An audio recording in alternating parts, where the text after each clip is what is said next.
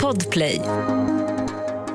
Du lyssnar på Politikrummet, Expressens podd om svensk politik. Idag är riksdagsvalet att betrakta som inställt och kommer det istället att bli ett svenskt presidentval den 11 september. Häng med!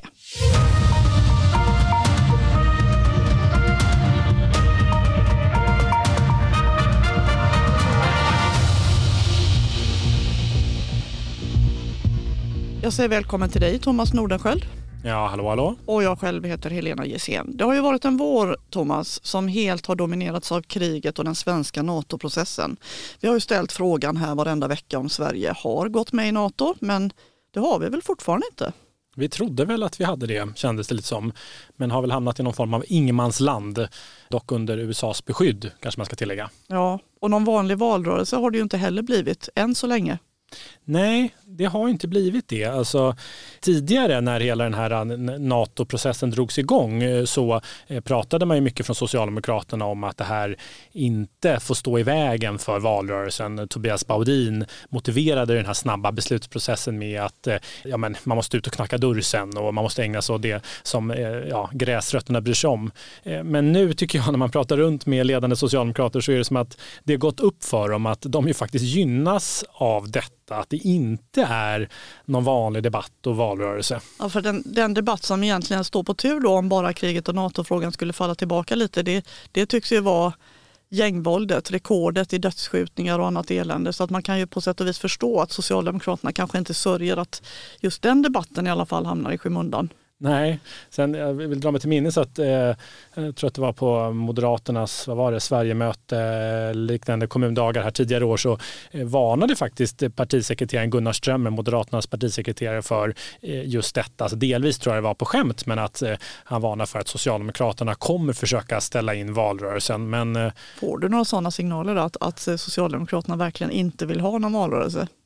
Nej, men inte ställa in såklart, men, men det är liksom uppenbart tycker jag när man pratar nu att som sagt poletten lite trillat ner. Det här gynnar partiet, att det inte är någon val, valrörelse. Man tycks inte sörja det helt enkelt. Och jag menar, det är bara att titta på siffrorna. Socialdemokraterna ligger på 32 procent i opinionen. Alltså det, och Magdalena Andersson är uppe på över 60 procent i förtroendemätningen. Alltså det är väldigt höga siffror. Eh, det måste man faktiskt säga. Och, eh, nej, men de är ju lite, det tycker man märker när man pratar med ledande socialdemokrater, de är lite rusiga över detta. Alltså man ska ju dra sig till minnes att Stefan Löfven, framförallt då innan pandemin, han hade ju också en uppgång under pandemin, partiet hade det och han hade det, men inte alls på de här nivåerna. Och innan pandemin, alltså vi pratar nu hösten 2019 om jag mm. inte tänker fel här med åren, så nej, men då låg Stefan Löfven hade förtroendesiffror på ja, men 26 procent, alltså ja, typ en tredjedel av vad Magdalena Andersson har idag. Och partiet låg ju på 24 procent. Alltså det fanns ju en oro, en genuin oro inom Socialdemokraterna att det här som har hänt i andra länder,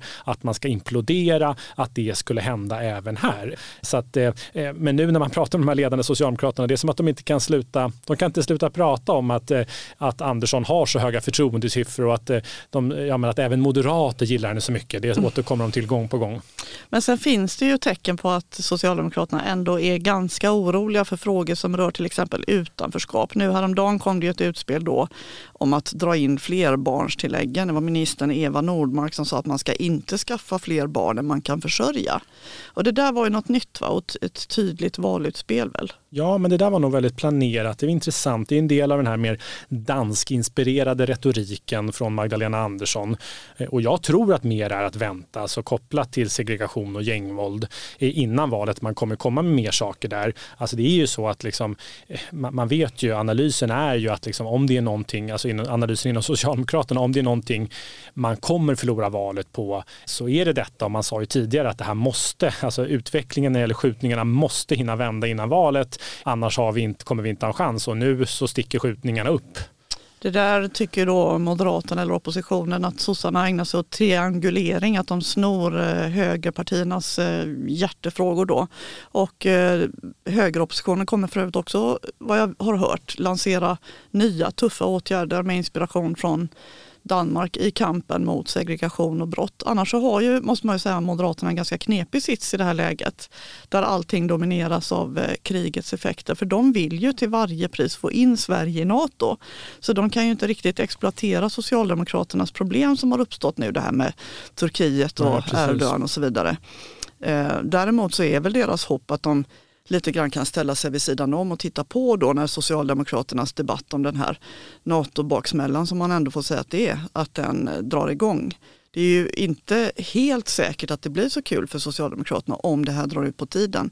För att just det här att behöva krypa för Turkiet, det var ju vad många NATO-motståndare faktiskt varnade för och nu riskerar man en spricka i relationen till kurderna och så vidare. och så vidare. Mm. Eller hur? Jo, nej, men så är det. Så får vi se här hur, hur jobbigt det blir för SD. Det är klart att så här, de som skulle kunna gynnas av detta och det parti som verkligen har exploaterat det är Vänsterpartiet. De skulle kunna få en skjuts upp i opinionen. Att väljare skulle gå från Socialdemokraterna högerut på denna fråga är väl inte så troligt. Men, men annars tycker jag, man, alltså det talas ju, apropå det här med vad det är för typ av val vi får, så det talas ju inom Socialdemokraterna nu, hör man om valet som mer av ett presidentval och eh, ja, men där Magdalena Andersson står mot Ulf Kristersson och att det, det liksom inte är något man har emot, där liksom ledaregenskaperna. För det är så man tolkar inom Socialdemokraterna, att det går så pass bra för Socialdemokraterna trots att försvarsfrågan som är en moderat paradgren står i fokus. Ja, men det är just för Magdalena Anderssons ledaregenskaper som hon gynnas. så. Samtidigt så påminner Moderaterna nu om att de, de sa likadant inför valet 2014. De pratade om presidentval och så där vidare.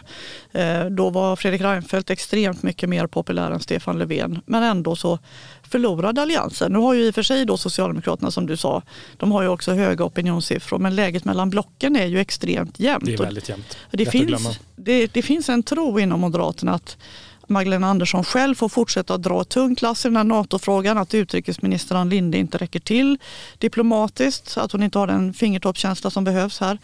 Och de tänker då att det kan vara negativt för Andersson och för Socialdemokraterna. Nato funkar inte riktigt för, för eh, Socialdemokraterna. Passhanteringen funkar inte. Arlanda säkerhetskontroller funkar inte. Det kan finnas en risk då för regeringen, menar högeroppositionen, att de här problemen växer och att det till slut skapar ett missnöje eh, hos eh, S-väljarna. För att inte tala om det du nämnde då med skjutningarna som är på katastrofnivå.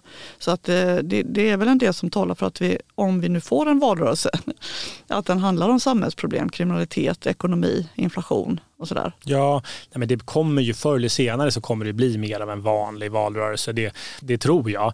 Och, och, ekonomin där tycker jag är intressant för den har ju liksom varit i, hamnat i skymundan under ganska lång tid egentligen. Det har liksom inte, de senaste valen har inte ekonomin stått i fokus men nu ser vi ju hur liksom inflationen är den högsta på många, många år, på decennier och det blir en, nej men för första gången det är stora rubriker i tidningarna om hur, hur mycket eh, en vanlig medelklassfamiljs utgifter kommer öka nu med höjda bolåneräntor och allt vad det är och höjda matpriser. Och, och om nu mm, liksom medelklassen, breda väljargrupper på allvar börjar oroa sig för sin hushållsekonomi, nej men då kan ju det påverka. Det, det är liksom en X-faktor här i valet som vi inte riktigt vet som det var ett tag. Jag tycker också det är tydligt att i och med att ekonomin varit i bakvattnet så är det många partier som har prioriterat ner den, de frågorna. Man har liksom inte gjort sin hemläxa där, man har inte lagt krut på att utveckla ny politik på det området. Eh, så det här är ju, ja men alltså det är klart att eh, det skulle ju kunna vara något som gynnar Moderaterna på kanske framförallt Sverigedemokraternas bekostnad. Och Sverigedemokraterna är ju traditionellt ett parti som inte haft något högt förtroende i, i ekonomiska frågor. Skulle även eventuellt kunna gynna Socialdemokraterna men det är mer osäkert.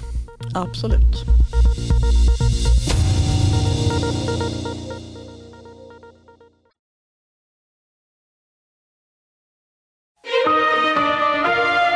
Men Thomas, kan vi verkligen räkna med att inte NATO-frågan eller kriget i Ukraina stör ut allt annat nu också? Vad är statusen egentligen när det gäller de här samtalen med Turkiet? Magdalena Anderssons statssekreterare Oskar Stenström som ju vi har pratat om en del här under våren, han har ju skickats ner till Ankara för samtal. Hur går det egentligen? Nej, men det går ju ganska trögt måste man ju säga och eh, eh ja men verkligen är det väl Just nu pågår vår stora season sale med fantastiska priser på möbler och inredning. Passa på att fynda till hemmets alla rum, inne som ute, senast den 6 maj. Gör dig redo för sommar. Välkommen till Mio. CSRD, ännu en förkortning som väcker känslor hos företagare. Men lugn, våra rådgivare här på PWC har koll på det som din verksamhet berörs av. Från hållbarhetslösningar och nya regelverk till affärsutveckling och ansvarsfulla AI-strategier. Välkommen till PWC. Någon form av känsla av baksmälla i hela den här NATO-processen. Men eh, den delar man ju å andra sidan med, med övriga NATO. Alltså det är ju inte bara den svenska regeringen som trodde utifrån efter samtal med Turkiet att man hade turkarna med sig utan det trodde även NATO. Jens Stoltenberg, alltså NATOs generalsekreterare uttryckte detta att väldigt, det kommer gå snabbt och så. Att de skulle stå där med öppna farmar, eller öppen famn och att det skulle gå rekordsnabbt och så vidare. Ja men precis så. Eh, mina regeringskällor, alltså de, de, men de, alltså mina regeringskällor ger ändå bilden av att det här kommer, det kommer gå att lösa. Det kommer krävas en del, en del tedrickande och kakaätande nere i Ankara men sen så kommer man gå att, eh, förr eller senare, frågan bara hur lång tid det tar, kommer det gå att lösa ut detta. Och det, att de säger det tror jag delvis beror på att det är ju Ja, men nu riktas det här mot Sverige men det är ju inte bara Sverige som drabbas av detta utan från liksom signalerna som kommer från NATO är att man är väldigt störda över detta. Jag menar som sagt eh, Jens Stoltenberg har ju stått och sagt här att det här kommer gå snabbt och så gör det inte det. Även han eh, upplever sig säkert förd bakom ljuset av Turkiet. Och någonstans är det ju hela den här liksom NATOs open door policy att alla länder som vill gå med och lever upp till villkoren ska få gå med. Den utmanas ju här i Turkiet så att det, och det, eh, mina källor ger också bilden av att, att man i Stockholm, regeringen här i Sverige får, de känner sig ha, alltså det är ganska stark uppbackning från Paris och Berlin och Washington och London som trycker på Turkiet ganska hårt där så förr eller senare så lär det gå att lösa ut men vi får se hur lång tid det tar. Den 29-30 juni hålls ju det stora NATO-toppmötet i Madrid och tanken var väl att eh, det det skulle vara ganska klappat och klart. Alltså inte kanske att medlemskapet skulle vara fullbordat men att det så att säga skulle vara problemlöst vid, det, vid den tidpunkten. Men finns det några förhoppningar om att det går att lösa ut till dess? Alltså förhoppningar finns eh, nog tror jag, det är min bild, men frågan är hur realistiskt det är. Men på något sätt är ändå tron inom från, svensk, från svenska regeringen att eh, man ska ha rört på sig lite framåt. Eh, så. Och, och tanken var ju att med det här mötet är ju inte, det tror jag även, liksom, eh, även från liksom NATOs håll så vill man ju inte att detta att liksom det ska handla om Turkiets krav på Sverige gällande olika kurder och så, utan att det mer är den här nya säkerhetspolitiska ordningen som ska stå i fokus. Men jag tycker man slås av det också när man pratar med ledande liksom, ja, med regeringsföreträdare och, och källor från regeringshåll att hur, hur, ändå, hur pass oroliga de är för läget i, i Europa. Och det talar väl också för att det här blir en, spe, en väldigt speciell valrörelseanalysen som man gör från regeringshåll och den är väl liksom inte, jag vet inte hur mycket den baseras på någon unik information utan den kan man väl alla, om man bara följer med utvecklingen, eh, men analysen är väl just nu att kriget håller på att stanna upp, stridslinjerna i Ukraina håller på att eh, frysas mer eller mindre och att det här drar ut på tiden, vi kommer ha ett långvarigt krig i Europa och man hör när man pratar med ledande regeringsföreträdare, men hur oroliga de är för det, vad innebär det, vad händer i höst när liksom, en sak är energidebatten eller debatten i Europa, många länder nu kring energipriser, men eh, hur, hur uthålliga är man i Europa? Europa och hur kommer det, hur kommer det låta? Så att det, det, det, här kommer, det, det blir en speciell inramning av hela den här valrörelsen, så är det. Ja, det kommer ju prägla eh, det svenska valet och valrörelsen. Den här veckan kommer vi få en viktig värdemätare på hur partierna ligger till inför upploppet av valrörelsen med Statistiska centralbyråns stora mätning som kommer nu på torsdag. Eh, spännande. Ja, något av vad som blir mest spännande i den det är ju hur det går för de mindre partierna. Ja, verkligen. Och där kan man konstatera att eh, det går bra för Socialdemokraterna men det går mindre bra för dem som deras tilltänkta samarbetspartier och då i synnerhet Miljöpartiet och eh, Centerpartiet får man säga. Vänsterpartiet går väl desto bättre men, men det där tycker jag man hör när man pratar med, med socialdemokrater som ändå är annars ganska segervissa att eh, om det är någonting som skulle kunna kosta dem valsegern ja, men så är det ju att eh, det inte går bra för, för de här partierna. Miljöpartiet ligger jag såg det 2,9 procent tror jag de var i TV4 sammanvägning av olika opinionsinstitut ut. Alltså det är ju rätt svettigt för dem. Inte riktigt samma eller någon känsla av att de är på väg upp heller. Och Centerpartiet också jätteproblem. Socialdemokraterna som ändå säger sig vilja, många säger att de vill bilda regering med Centerpartiet efter valet. De skulle nog gärna se att eh, Centerpartiet låg på 8-9 procent snarare än 5. Eh, så. Ja, det är nog lite nervöst här och var. Och det vi såg på Miljöpartiets valupptakt i helgen, det var ju att de nu försöker med att återanvända gamla socialdemokratiska paroller. Alla ska med, det gröna folkhemmet och så vidare. Alla ska med, vilket val var det? Ja, var det, usch, det känns... Förlustvalet, ja, ja, de förlorade i alla fall. Jag kan inte det Nej. exakt men det känner man ju igen sen. Det var ett tag sedan. Ja. ja. Och eh, de vill satsa miljarder på vården, de vill vara ett välfärdsparti och samtidigt anlägger de då någon slags aktivistton då i, i när de pratar om klimatet. Per Bolund har börjat svära, han är ju annars en hyvens kille som artig. är ganska ja, artig och stillsam. Men nu svär han så att det eh, står härliga till och Märta Stenevi säger att hon ska göra kaos med alla som inte jobbar för klimatomställningen. Ja, men alltså jag tycker man får känslan av att de är rätt lost, alltså att de verkligen brottas med vilket parti de ska vara. Och å ena sidan det här behovet som de också beskriver när man pratar med miljöpartister av att skapa konflikt, att de hamnar vid sidan av. Men å andra sidan de väljare man, man ska locka, eh, de här, ja, kanske framförallt här i Stockholm och, och kanske framförallt ta från Socialdemokraterna, de uppskattar inte nödvändigtvis eh, den där höga, det där höga tomläget. Det här är ju också en sån sak som Moderaterna och de andra högerpartierna hoppas på då att, att Liberalerna som ju också har haft det tufft väldigt länge men att de med nya partiledaren Johan Persson ska orka ta sig över 4 och att Miljöpartiet åker ur. Och de eh, betonar ju själva gärna att de är väldigt sammansvetsade till höger då, att man kan lita på dem när det gäller att ta tuffa tag mot brottsligheten. Så var det inte under alliansperioden, då var det lite jobbigt med Centerpartiet och Liberalerna Liberalerna som inte alls ville gå i den riktningen påstår de nu då. Men idag så finns det en enhet mellan Moderaterna, Sverigedemokraterna, KD och eh, L som inte fanns då. Eh, medan Socialdemokraternas underlag bråkar och tycker olika om viktiga frågor. Men det där blir också, tycker jag, det är intressant att se hur det där kommer spela ut. För det, det blir också tydligare nu när vi, menar, på, på söndag så ska TV4 ha sin, eh, en stor partiledardebatt och i de här debatterna så har det här blivit tydligare hur högeroppositionen är mer samspelta medan man verkligen inte är det på vänsterkanten. Där finns ju fortfarande det här liksom olösta problemet kring att både Vänsterpartiet och Centerpartiet ingår i samma. De, Socialdemokraterna behöver ha båda med med sig men Centerpartiet framförallt har tidigare hållit emot med Vänsterpartiet. Och nu, men nu får vi se här, nu kommer det ju, det är liksom intressant, det är väl liksom, du får berätta Helena, men pension, det här kan du bättre än jag, men pensionerna är ju kopplat till detta och där båda eh, sidorna har olika pensionsförslag och där Centerpartiet som vanligt avgör. Vad är liksom, är det, kan man se det som en värdemätare på vart partiet är på väg? Ja, det där är ju egentligen mycket mer spännande än det låter. Det är ju inte bara en, en fråga om vilket pensionsförslag som ska gå igenom. Alla undrar hur Centerpartiet ska göra här. Ska de rösta på det garantitillägg som i grund och botten Nooshi Dadgostar har drivit igenom till pensionärerna eller, eller ja,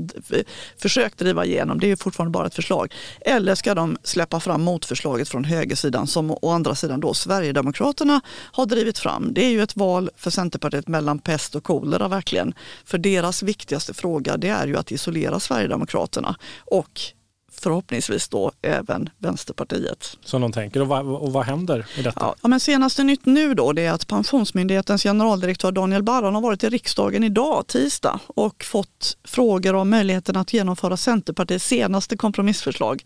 De försöker ju förtvivlat då få med alla de andra partierna på någonting som varken Sverigedemokraterna eller Vänsterpartiet har haft med att göra. Men det har hittills gått väldigt trögt och det ryktas att Socialdemokraterna inte visar något jättestort engagemang eller intresse för detta. De är uppbundna av, av Vänsterpartiet och Nooshi Dadgostar förstås. Ehm, och sen ryktas det då att, att Centerpartiet helst, eller ledningen för Centerpartiet i alla fall, helst hellre hjälper Socialdemokraterna och regeringen än att släppa fram högeralternativet. Men i så fall ska de nog ha väldigt bra betalt och det har vi inte hört att de har fått, åtminstone inte ännu. Ehm, och nu har de några dagar till på sig innan tiden är definitivt ute. Ja, det blir väldigt spännande att se hur detta landar får man säga. Vår tid är ute nu i alla fall för den här gången. Tack till dig Thomas Nordenskiöld. Och jag heter Helena Gissén och vi är tillbaka om inget oförutsett inträffar nästa tisdag den 7 juni. Hörs då. Tack och hej.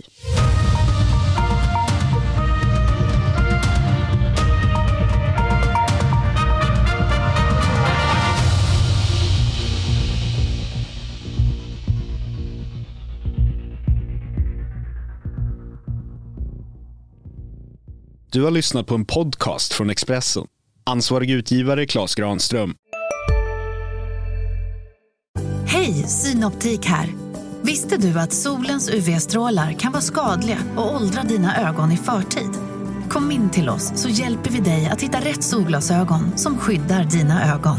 Välkommen till Synoptik.